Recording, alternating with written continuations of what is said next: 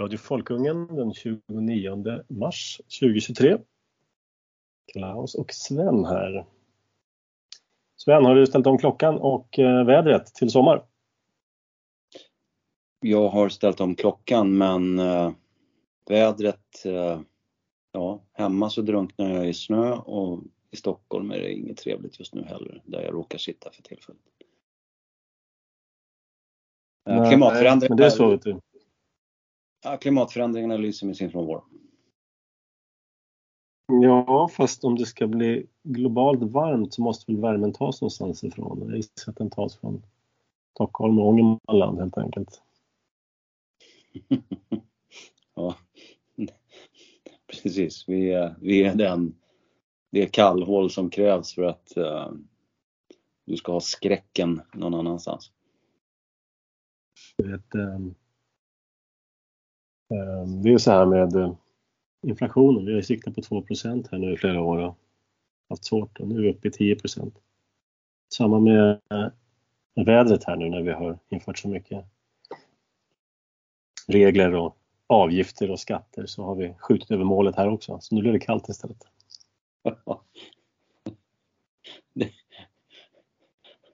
Vad är det man säger? Goda, in, goda intentioner är, är ja, det är nästan lite för fult att säga på engelska, men eh, du förstår vad jag menar. Jag förstår det. Jag ska säga det här först innan vi går in på dagens. Påminner om Folkungatinget den 20, 26 till 28 maj. Gå in på Folkungens hemsida, snoka rätt på inlägget som handlar om eh, tinget och anmäl dig. Det blir väldigt roligt. Det kommer bli fler folkungar som talar. Jag, Sven och eh, Andreas och sen har vi ett annat folk som jag inte vill ge namnet på. Men som kommer bli väldigt intressant. Temat är ju som jag sagt tidigare hur vi skyddar oss i dessa svåra tider. Genom att bygga gemenskaper och eh, egna utanförskapsområden. Till exempel hur man eh, lagar mat, hur man fostrar sina ungdomar till män, alltså pojkar. Um, ehm, lite bra knep på hur man hanterar myndigheter och vad man kan göra för att roa sig på deras bekostnad. Man tar lite intressanta historieinslag. Så genast in på Folkungen och anmäl dig 26 till 28 maj. Jag har sagt det. Och eh, ja, funderade en del på vad vi ska prata om idag men jag tänkte vi tar lite eh, spridda skurar och så får vi se vart diskussionen tar oss.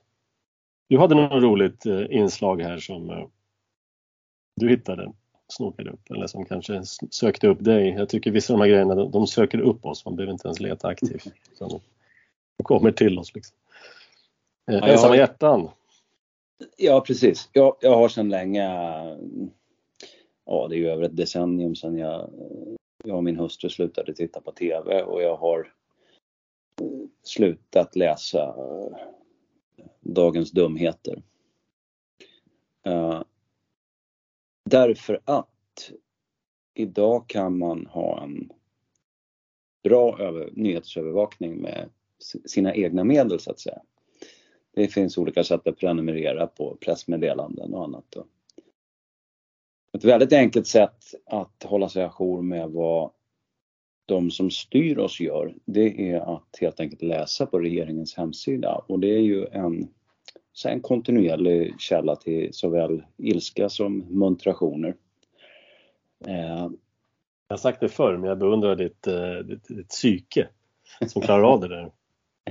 Jo, men det är liksom, jag, tycker det är kul, jag tycker det är kul med odling och, och, och sådär och det, det, det, tror jag nog vi, vi delar. Men det, men det kräver ju också att man ibland måste rota i komposten och, och, och sådär. Det, det är lite samma sak. Jag, jag, har en, jag har en bekant som brukar uttrycka det på det sättet att när man liksom lyfter på locket till, till skittunnan då vet man ju redan vad som kommer finnas där. Så att, ja, I någon mening så är jag ju också beredd Ah, ja, man har satt förväntningarna på rätt nivå. Ja, ja precis. Jag brukar ha det som mitt, mitt levnadstips. Man vill aldrig bli besviken och det är alltid jobbigt när man blir besviken. Så att ett knepet för att aldrig bli besviken är att ha extremt låga förväntningar på allt och alla. Och ibland låta sig positivt överraskas. Men i det här fallet så har du väldigt låga förväntningar när du öppnar den där tunnan och så, så vad finner du väl där? Ja, men jag har faktiskt, jag hade fram tills för några få månader sedan faktiskt vissa förväntningar och en av dem var att när vi, när vi gick ifrån en socialdemokratisk regering till en, en, en borgerlig regering, jag tycker det är ändå det vettigaste uttrycket att använda. Eh, så hade jag förväntningen på att man åtminstone skulle röra sig i en frihetlig riktning. Jag hade inga illusioner om att, att uh, några väsentliga skattesänkningar eller, eller att man skulle på allvar så att säga sätta igång och, och, och förvandla Sverige till ett mer frihetligt samhälle. Men riktningen eller derivatan tänkte jag skulle i alla fall vara rätt. Va? Men det skulle gå otroligt långsamt och, och så. Men eh, jag, bör, jag börjar ju nästan undra om det inte har blivit värre. Uh, och då har jag två exempel på det. Uh, Men alltså jag, bara för att liksom göra den poängen. Jag har ju hoppats, alltså jag har ju satt mina förväntningar extremt lågt. Jag, det enda jag liksom hoppas på är att de skulle avskaffa plastpåseskatten. Uh, jag tror inte man har lyckats med det heller ännu. Nej, inte ens det. Och Ebba Busch ska bygga vindkraft nu och så vidare. Det, det, ja. ja. Men de här två exemplen, de är tycker jag, det, det, är exempel i det lilla men som ändå visar på vilken, att det finns ingen väsentlig skillnad mellan borgerligheten och socialdemokratin i synen på vad en stat kan ta sig för och ägna sig åt. Så att det första exemplet här då, och då läser jag direkt ifrån regeringskansliets hemsida. Då har de lagt upp en, en ja, status kan vi väl kalla för. Med rubriken Regeringen satsar på att förebygga och bryta ofrivillig ensamhet. Och det räcker väl att läsa första meningen. Eh, då står det så här. För att stärka folkhälsan och minska konsekvenserna av ofrivillig ensamhet föreslår regeringen en treårig gemenskapssatsning som 2023 uppgår till 300 miljoner kronor. Hör socialminister Jakob Forssmed berätta mer om satsningen. Och då menar jag att till att börja med så behöver man inte bry sig ett smack om vad en treårig gemenskapssatsning är för någonting. Det är dumheter, det vet vi redan. Eh, och sen kan jag också konstatera att här har man skapat uppenbart ett nytt uttryck. Precis, alltså, vi är oerhört duktiga på det i Sverige, va? Att, att hitta på framförallt sammansatta ord. Inte minst för att befläcka och smeta ned och, och förminska motståndare. Då. Uh, främlingsfientlig, videovåld. Och det finns hur många sådana här idiotkonstruktioner som helst. Uh, men även uttryck och ofrivillig ensamhet, det är ju en sån, ett sånt uttryck. Man har, det liksom spelar an på ofrivillig barnlöshet nästan. Ja, ja precis. precis. Uh, Jaha, ska vi tvångsintegreras nu då? Eller hur, vad ska de här pengarna nej, jag gå vet till? Inte, jag, har inte, jag har inte riktigt velat dyka ner i just den här skittunnan faktiskt. För att jag, jag tycker att det, det, liksom, det räcker med det här idiotiska uttrycket ofrivillig ensamhet. Det räcker med äh, äh, 300 miljoner kronor. Uh, och att, uh, att en, en borgerlig minister står liksom bakom det här. Uh, jag, jag, har en god vän som är lite äldre än mig som, som vi brukar jaga tillsammans och vi bor med norrländska mått mätt grannar med varandra. Eh, han är enkeman. Eh, är han då ofrivillig ensam, ofrivilligt ensam enligt den här eh, fantastiskt töntiga eh, framställningen. Alltså, människor har i alla tider blivit ensamma av olika skäl. Eh, Vissa män har blivit gammpojkar, det vill säga aldrig förmått att träffa en kvinna och bilda familj. Eh, andra har blivit änkemän, kvinnor har blivit änkor i förskräcklig omfattning historiskt och så vidare. Eh, vad är det här? Är det här, liksom, är det här de män och kvinnor som inte klarar av att hitta en partner? Eh, eller ja. Är det här, är det här någon, ja, han kan ju få då alla, här, kan, alla kan ju få sin andel av de här 300 miljonerna, det blir 30 kronor var. Det är väl en fjärdedels biobiljett eller någonting som man kan man gå med någon då. Om man ska använda pengarna vettigt. Men. Subventionerade konton på Tinder eller något sånt där? Ja. ja eller Pornhub eller någonting sånt. Ja. Ska vara mer i tidsandan.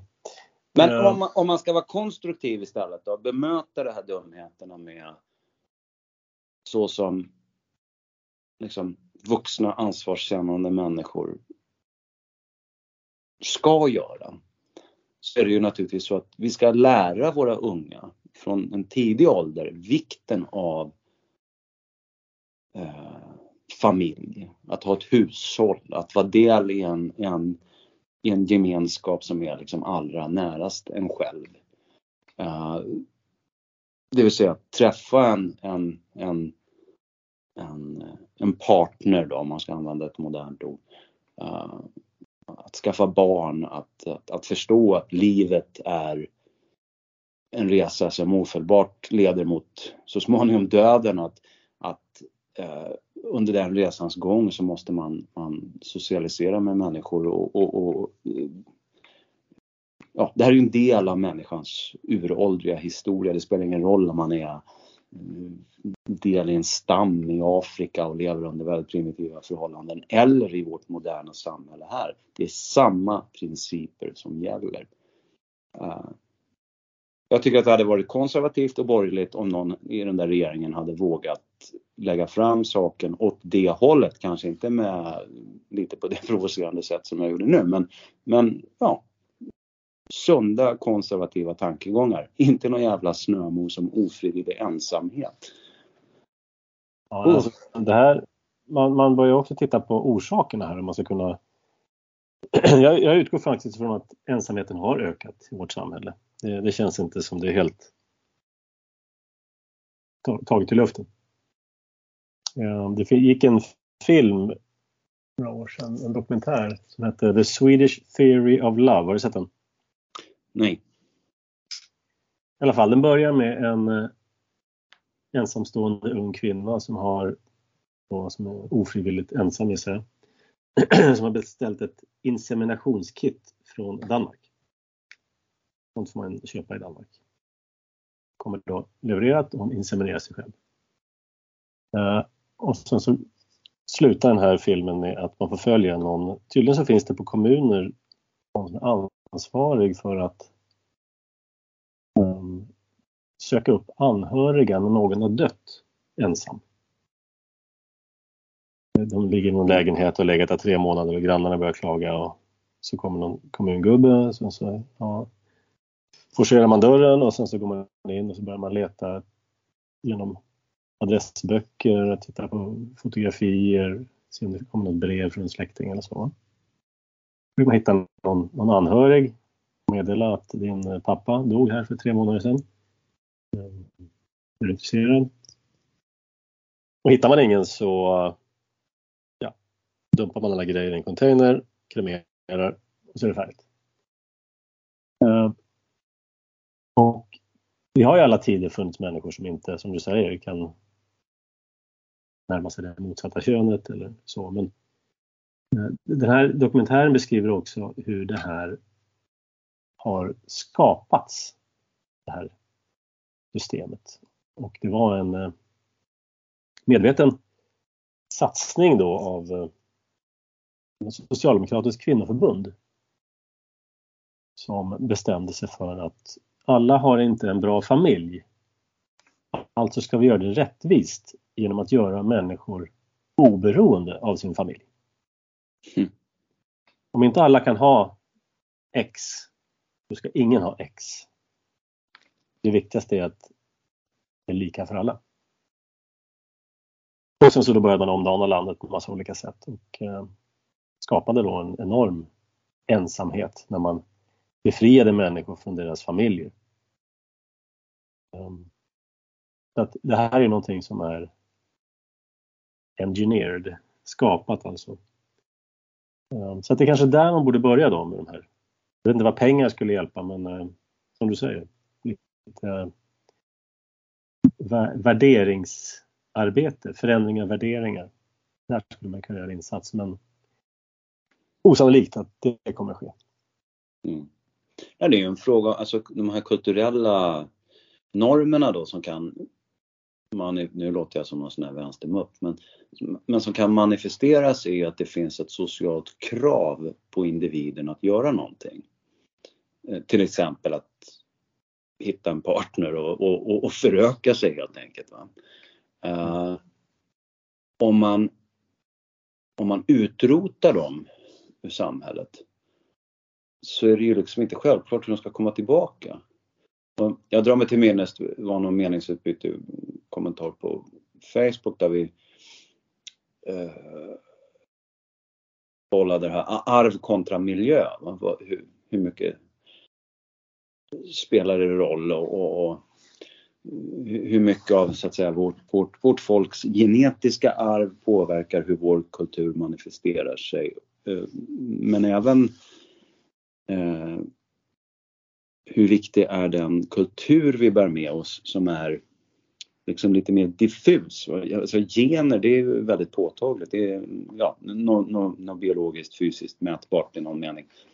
Medan eh, kultur då, seder och bruk och så vidare, det, det är något annat. Och jag tyckte då att man ska inte underskatta eh, kulturens betydelse. Eh, med exemplet då att eh, man tittar på indianerna i USA så de finns ju kvar men har i en förskräckande utsträckning förlorat sin kultur. Va? Och då går det liksom inte bara att få tillbaka den. När den, när den, liksom, när den bryts, då är ju den, då är den borta. Har man, har man, har man förlorat liksom sedvänjor och traditioner och då har man inte längre någon förståelse för dem och visst kan man försöka återuppliva dem men, men, men, och det kan lyckas men det kan också misslyckas och bli väldigt syntetiskt och konstigt. Um, och, ja, det är som när EU försöker instifta, liksom, upprätta EU-värderingar och införa en EU-nationalsång och en EU-flagga och EU-helgdagar. Alltså det blir ju lite grann som, som man gjorde under den franska revolutionen. Man avskaffade Gud. Men man gav pöbeln en annan religion som hette The Cult of the Supreme Being på engelska. Mm. Så, den är helt syntetisk. Och, mm. den, den, den slog aldrig riktigt rot helt enkelt. Mm. Nej, jag, jag tror att den här eh, Eh, den här ofrivilliga ensamheten delvis kan förklaras av att vi är på god väg att eh, utrota de normer som har skapat ett socialt tryck att parbilda helt enkelt. Eh, nu parbild, alltså eh, det, det, sker väldigt sent i livet jämfört med tidigare. Och eh, eh, det är så att säga lätt att, det är lättare att misslyckas ju längre man väntar i någon mening då. Det kan bli problem med, med att hitta någon helt enkelt. Eh, det är lite som den där leken med när man... Hela havet stormar med stolarna? Ja, ja precis. Mm. Och sen så har du ju en kvinna ska egentligen föda barn mellan 15 och 23 mm. ideala, biologiskt sett, den idealiska åldern. Mm. Och, eh, eller kanske till och med den 12, jag vet inte. I alla fall det är väldigt tidigt gentemot vad vi gör nu då. Ja. Och, eh, den åldern stiger hela tiden också. Först föderskornas genomsnittsålder. Det finns faktiskt ett, um, ett uh, här kan man dra en parallell till, till invandring faktiskt. Uh, man, man talar ju om och vi kanske återkommer till invandring lite senare. Men man talar ju om om anhöriginvandring. Och de som är helt oinsatta i hur invandringen till Sverige ser ut och har manifesterat sig, de tror ju att anhöriginvandring är när ja, pappas bror fick komma till Sverige för han hade anknytning till, till pappa liksom. Men anhöriginvandringen är ju till mycket, mycket, mycket stor del, dominant del, eh, en fråga om fruimport. Eh, och det där är ju en, liksom en matchmaking-grej att om du tillhör en, en invandrad minoritet i Sverige som omfattar någonstans mellan 50 och 100 000 individer, vilket är eh, de flesta. Eh, kurder, eh, turkar, iranier, alla, alla de tyvärr ligger ungefär det spannet då. När man tittar på eh, utrikesfödda då, inte eh, efterföljande generation. Eh, så är det ju inte så lätt helt enkelt. Om du vet att du vill parbilda med någon från din egen kultur. Eh, så 100 000, ja, säg fördelat då på ungefär 50, 50 kvinnor och män. Eh, I ett land då med 10,5 miljoner invånare, då kan det bli lite knöligt att helt enkelt hitta någon. Eh, om du är begränsad då i dina preferenser till någon av din egen kultur. Och lösningen på det, det är ju helt enkelt att fruimportera. Uh, och det gör man. Uh, i, I mycket hög utsträckning. Mm. Så att det, det, där är ju inte, jag, jag som är väldigt kritisk mot svensk invandringspolitik, jag kan ju inte kritisera dem för det jag har väldigt svårt att, att, se vitsen med att hålla på och bråka. Alltså, man ska ju stoppa det här naturligtvis men men eh, det är ingen idé att, att liksom försöka klandra de här eh, människorna för att de beter sig så. Vi skulle ju förmodligen bete oss på precis samma sätt i en liknande situation när vi var i Exodus. Ja, eller Exodus om, om Saudiarabien erbjöd mig gratis boende, mat och husrum, och körkort och utbildning och sjukvård. Så kanske jag skulle flytta dit faktiskt. Om jag då hade möjlighet att ta, um, hitta en svensk tjej och ta över och gifta mig så skulle jag göra det också. Fullt rationellt.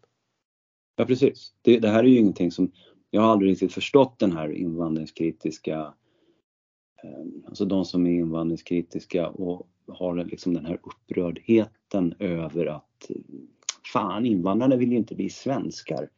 Alltså, det är helt meningslöst att och, och, och, och liksom uppröras över det. Det, det. det, är väl den sak man kan ha förståelse för. Jag skulle liksom inte vilja flytta över halva jordklotet och, och försöka förvandla mig till en annan etnicitet. Det är ju liksom det är dumheter. Ja, men det är lite grann den här hybrisen också som folk går omkring och tror att alla vill bli svenskar. Ja. Varför skulle de vilja det?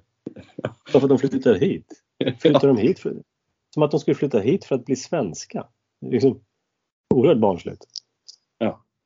Alla som har bott utomlands dessutom vet att man blir mer patriotisk eh, när man är utomlands. Man söker upp föreningar med landsmän och firar sitt hemlands traditioner.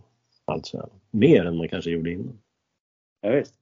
Men, men, det ger ju perspektiv på, jag märker ju själv bara genom att flytta från Stockholm till, till, till Ångermanland att jag eh, så länge jag bodde i Stockholm så funderade jag inte överhuvudtaget på mitt talade språk, hur jag, alltså hur jag dialektalt låter. Men, men efter att ha bott där uppe några år då blev jag ju väldigt medveten om att att eh, jag, jag inte bara inte pratar som de gör utan jag har dessutom uh, en dialekt helt enkelt.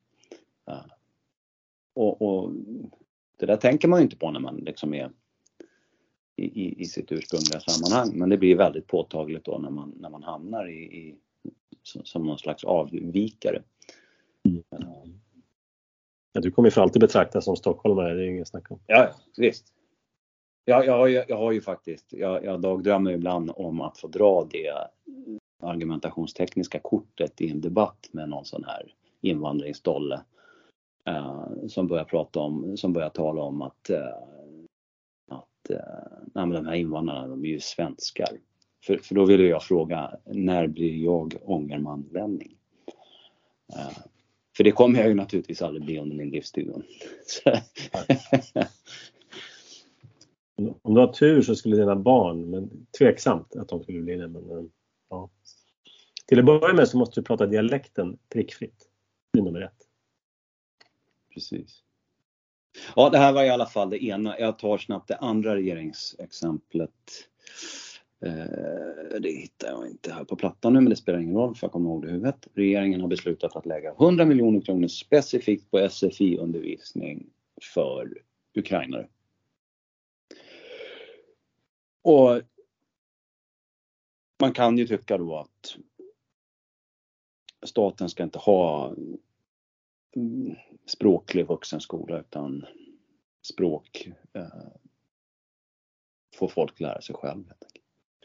Eh, det är det första och vill de då gå i skolan då kan de ju också få finansiera det själva istället för att vi andra ska göra det.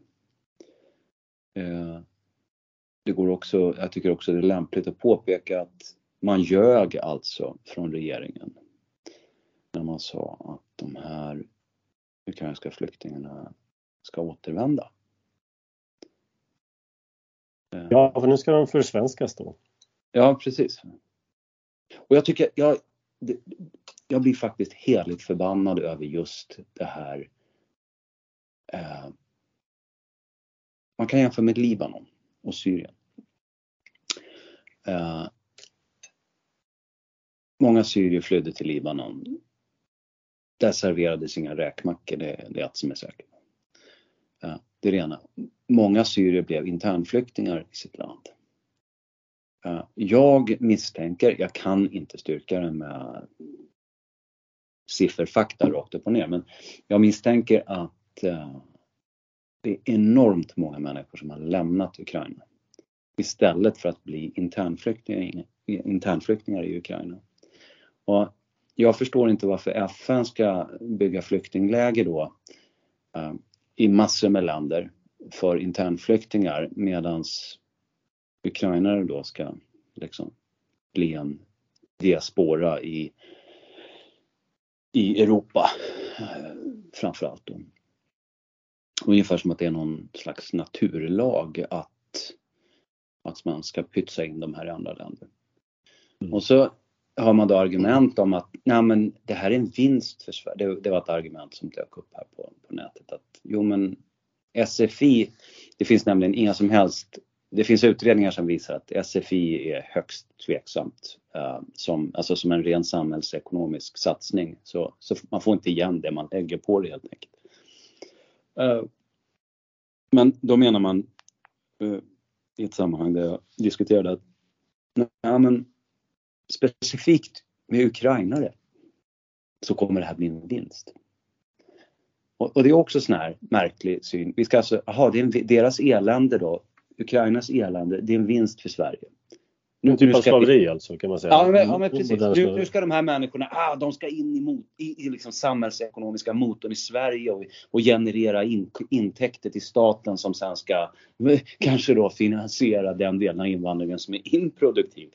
Uh, alltså det är absurt. De här människorna, Ukraina löper ju risken att uh, gå under, inte bara på grund av rent militära handlingar från Ryssland utan, utan de här Ja, här är det nog faktiskt vettigt att använda uttrycket socioekonomiska effekterna. De kan bli så fruktansvärda. Alltså förlorar man hela generationer, det kan ju, det kan ju döda en hel kultur alltså. Uh, de, det kan ju bli så att de aldrig, alltså de var ju inte i ett bra skick innan det här. Uh, mm. Nej.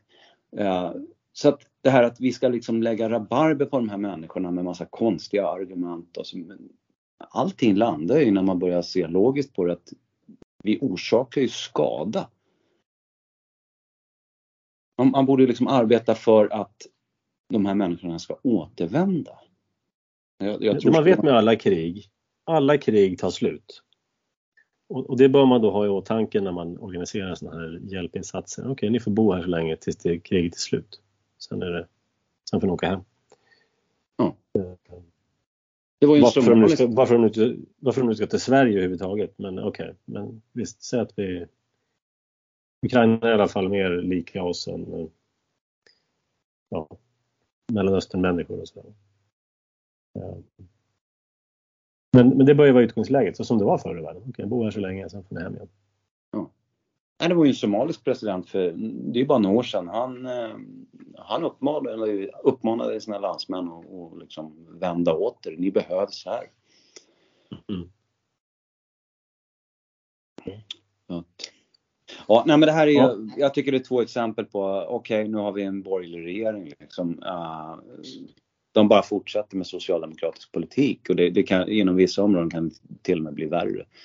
Eh, Ja, men det, det uppstår också en slags godhetstävlan här. Vem kan vara... För socialdemokrati är ju godhet utan tanke på konsekvenser. Eh, Och borgarna vill givetvis också vara goda och bli omtyckta då. Så att, eh, ja, det, är märk, det, märk, samma politik. Nej, men det är märkligt hur, hur, hur, hur fullständigt fångade eh, framförallt Moderaterna då har blivit i det här. Att, att de är liksom så hanterade av sossarna på något sätt så att de, de har förlorat helt den här förmågan som fanns eh, fortfarande på 80-talet att, att liksom vara att gå på kollisionskurs liksom verkligen. Mm. Utan nu, nu tävlar man istället om vem som kan vara bäst på att bära det här sociala samvetet. Um, Jo, precis. God Mensch, som det heter på tyska. Godhetsmänniska. På tal om invandring så ska jag bara nämna, jag vill inte liksom hänga kvar vid det här för det är för deprimerande, men eh, det här var i alla fall veckan som gick när den här konspirationsteorin om folkutbyte fick någon slags substans. Sen kan man ju filosofera över om det finns ett, faktiskt en konspiration bakom, det vill säga människor som i hemlighet har bestämt sig för att göra Sverige mångetniskt. Eller om det bara är otur när folk tänkte.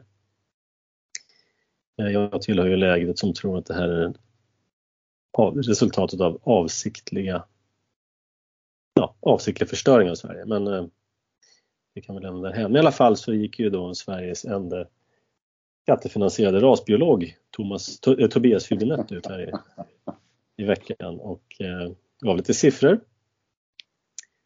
Och utländsk bakgrund i tre städer i Sverige inkluderande utrikes födda samt inrikes födda med en eller två utrikes födda föräldrar. Okej. Årsskiftet 31.12.2022. Malmö 57,5 procent.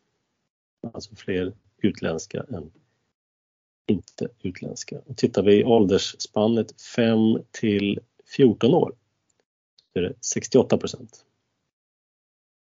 Tittar vi på Göteborg, totalt 48 procent. 5 till 9 år 65 procent. Tittar vi i Stockholm så är det 45 procent. Och där är det som högst i åldersspannet 35 till 44, 54 procent. Så han verkar inte så missnöjd heller nej.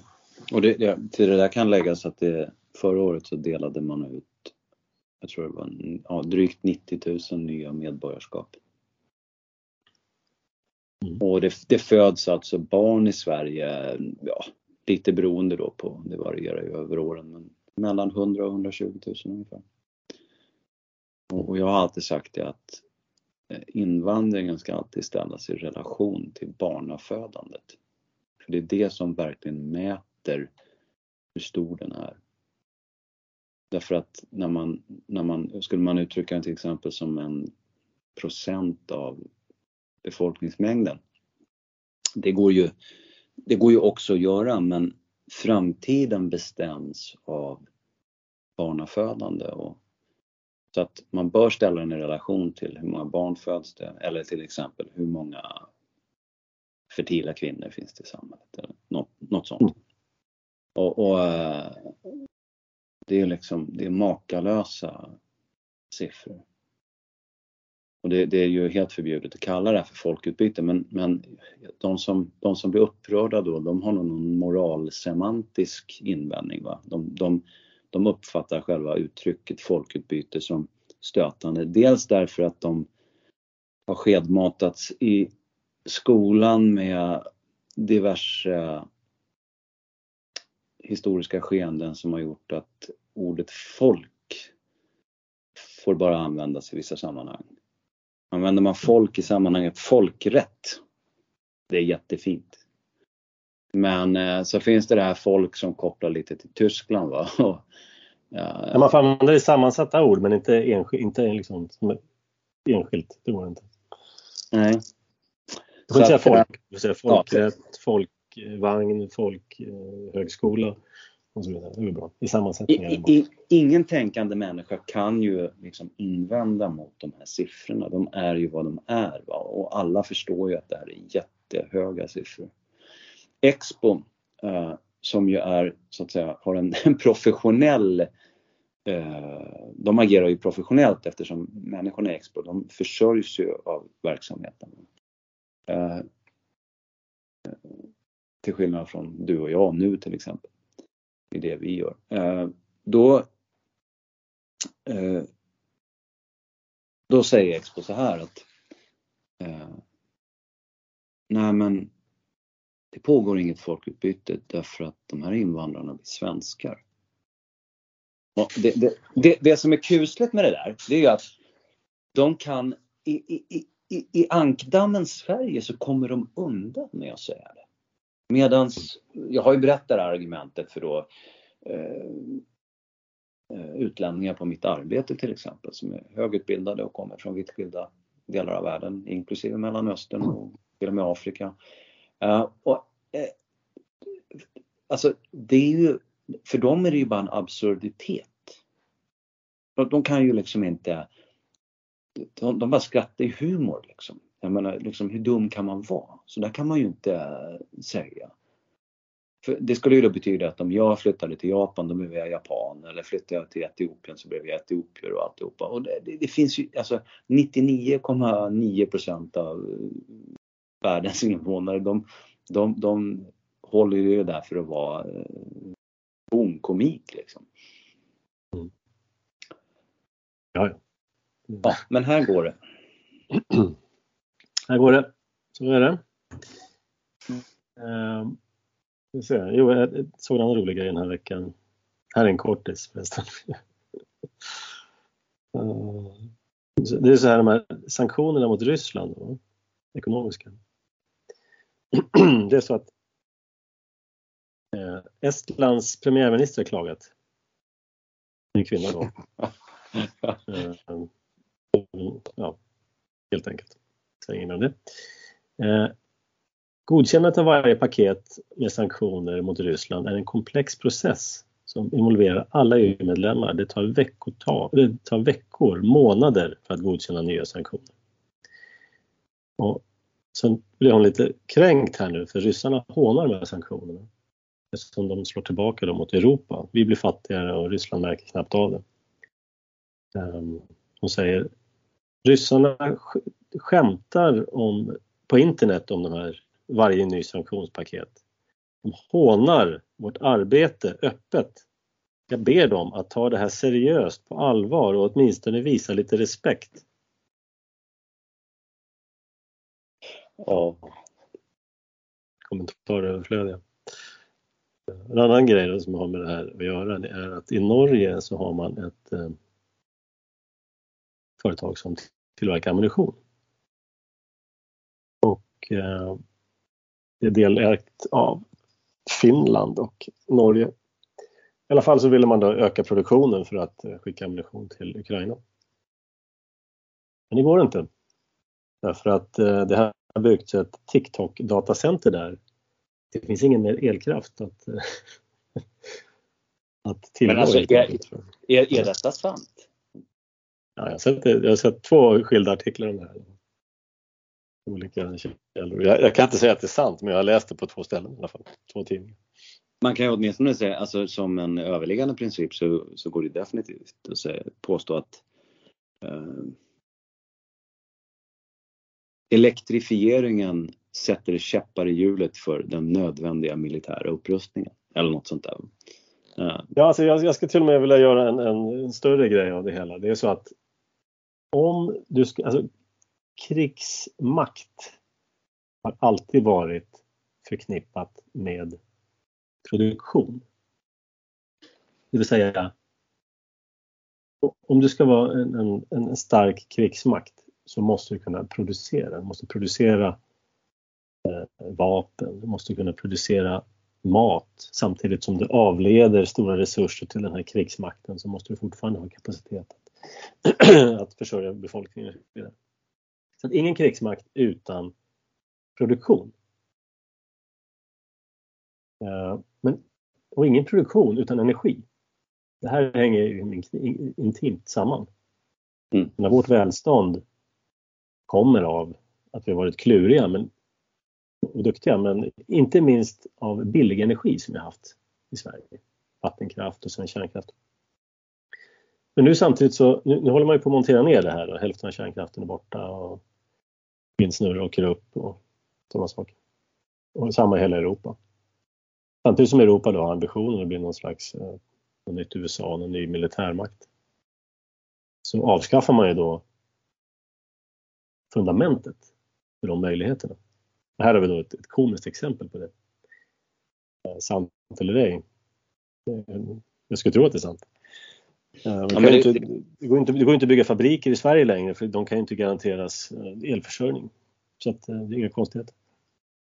Ja, men vi har väl blivit också lite, i alla fall min generation tror jag. Jag, jag nu ska vi se här, jag gick väl typ sjuan, åttan på högstadiet eller någonting när eh, när eh, det första Irak, alltså det Irakkrig som följde på Iraks eh, invasion av Kuwait. Mm.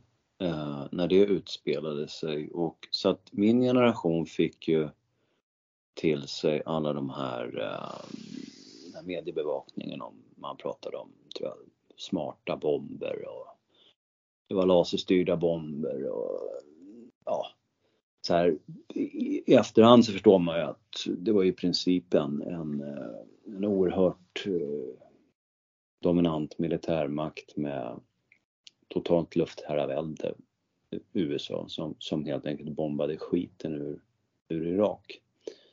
Men det här gav ju en bild av att, att äh, äh, krigsmakt handlade om alltså, att vara så oerhört duktig på intelligenta system och spjutspetsteknologi och så vidare. Och nu har ju Rysslands invasion av Ukraina och påföljande krig har ju visat på ett jävligt brutalt sätt att, att så inte är fallet. Eh, det spelar roll men det du nämnde spelar också oerhörd roll. Kan man ligga och smälla av 10 000, 20 000 artilleripjäser per dygn liksom, då måste du ha en intakt produktionskedja i ryggen. Eh, och en distributionskedja, så produktion, logistik. Det är därför jag är, är eh, oerhört skeptisk till eh, allt prat om någon slags total seger för Ukraina. Det.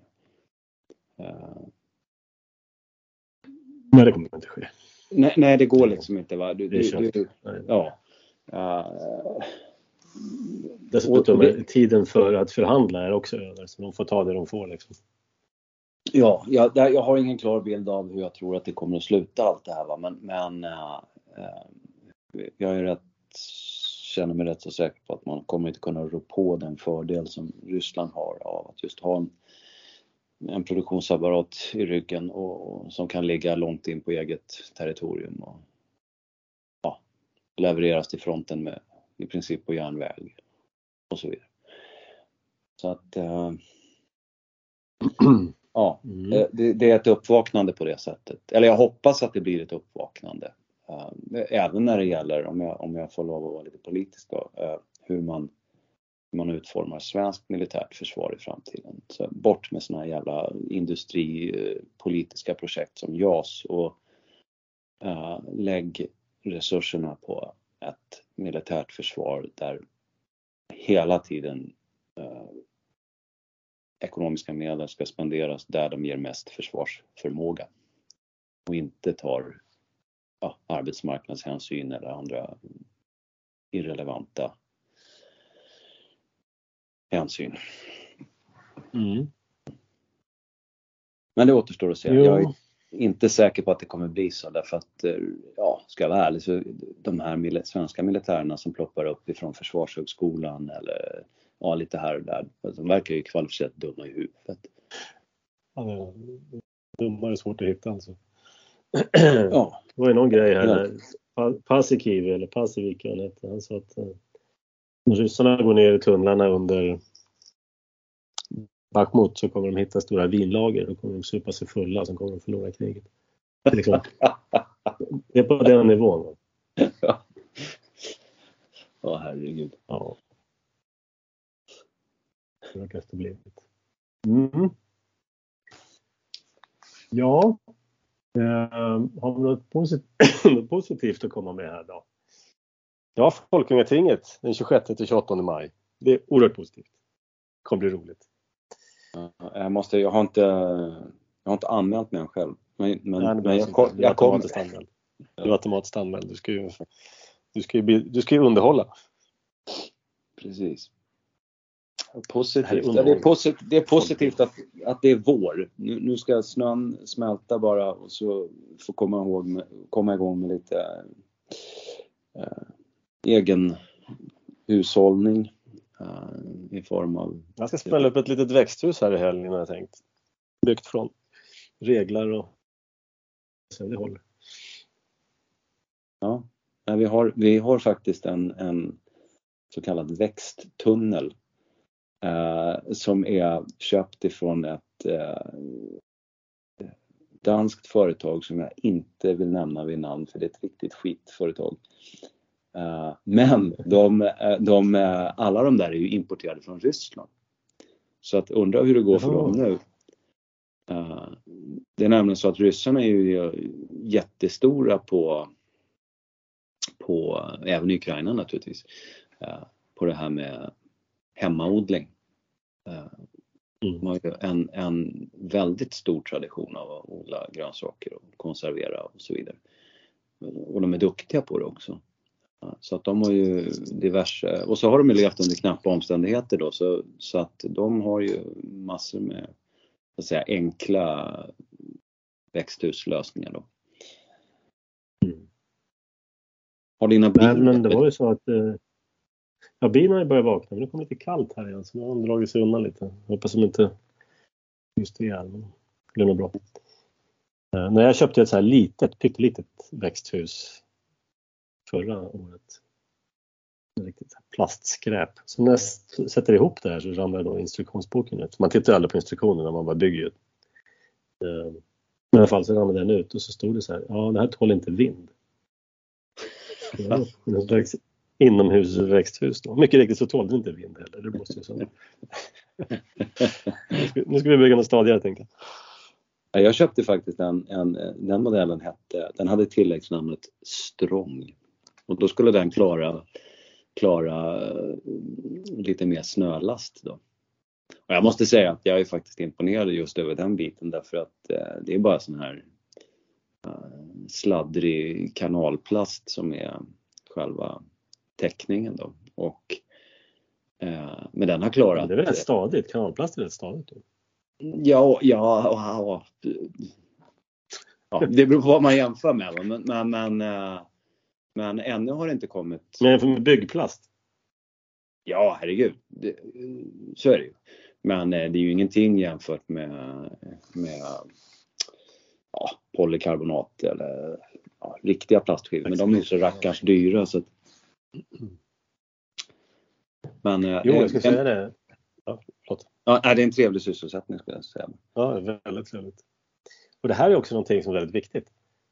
Um, det var ju så att, på tal om de här ryssarna, ryssarna då, som odlar själva, så var det så att under den värsta tiden när staten nationaliserade alla jordbruk och avlivade självägande bönder, deras hundar och hästar, eh, så svalt ju folk. För man hade ju 70 år av dåligt väder. Det är som nu, om man skyller på klimatet. Jag kom mm. för sent till skolan och klimatförändringar. Ja, nu är det dåligt med mat. Ja, det är klimatförändringar. Ja, nu är det stor invandring. Ja, det är klimatförändring. I alla fall, även i Sovjetunionen hade man då 70 år av dåligt väder. Det var därför man svalt. Och, eh, men eh, förutom de här stora rationella jordbruken, de här kollektivjordbruken, så fick man ha en liten täppa hemma.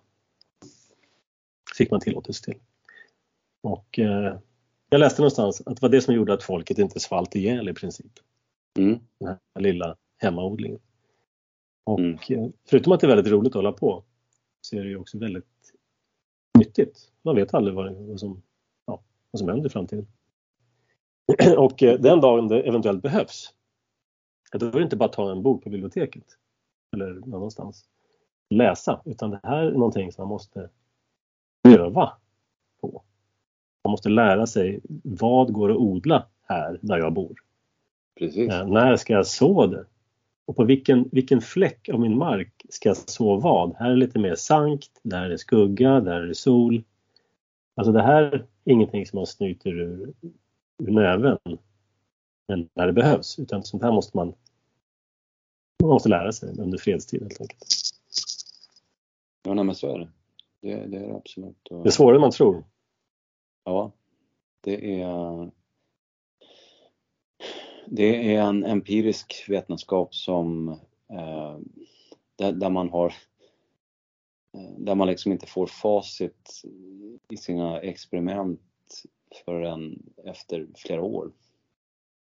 Och eh, man hinner bara pröva under sin livstid egentligen några få grödor. Eh, mm.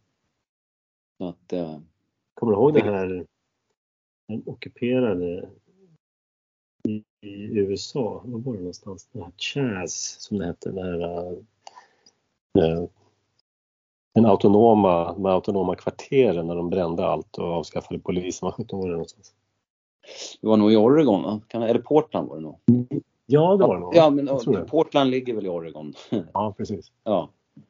Så det var båda rätt. Eh, jo, men där hade de ju också då hällt ut lite jord i en park. Där skulle de odla då. Så hade de tryckt ner några plantor. Så. Jag minns så tydligt den bilden av de här stackars plantorna som spretade. Här skulle de då bli självförsörjande då, i den här oberoende nationen. Men det där är lite roligt för att, för att om, om, där har man ju liksom den här romantiska föreställningen då att man, man vill så gärna då odla men ingen kan någonting. Och, uh, det blir naturligtvis bara pannkaka och skit.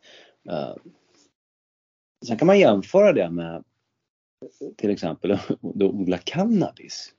Vilket jag naturligtvis inte sysslar med. Men, men de som gör det då i USA, de har ju en, liksom en annan ingångspunkt. Antingen så är de besatta av drogen som sådan.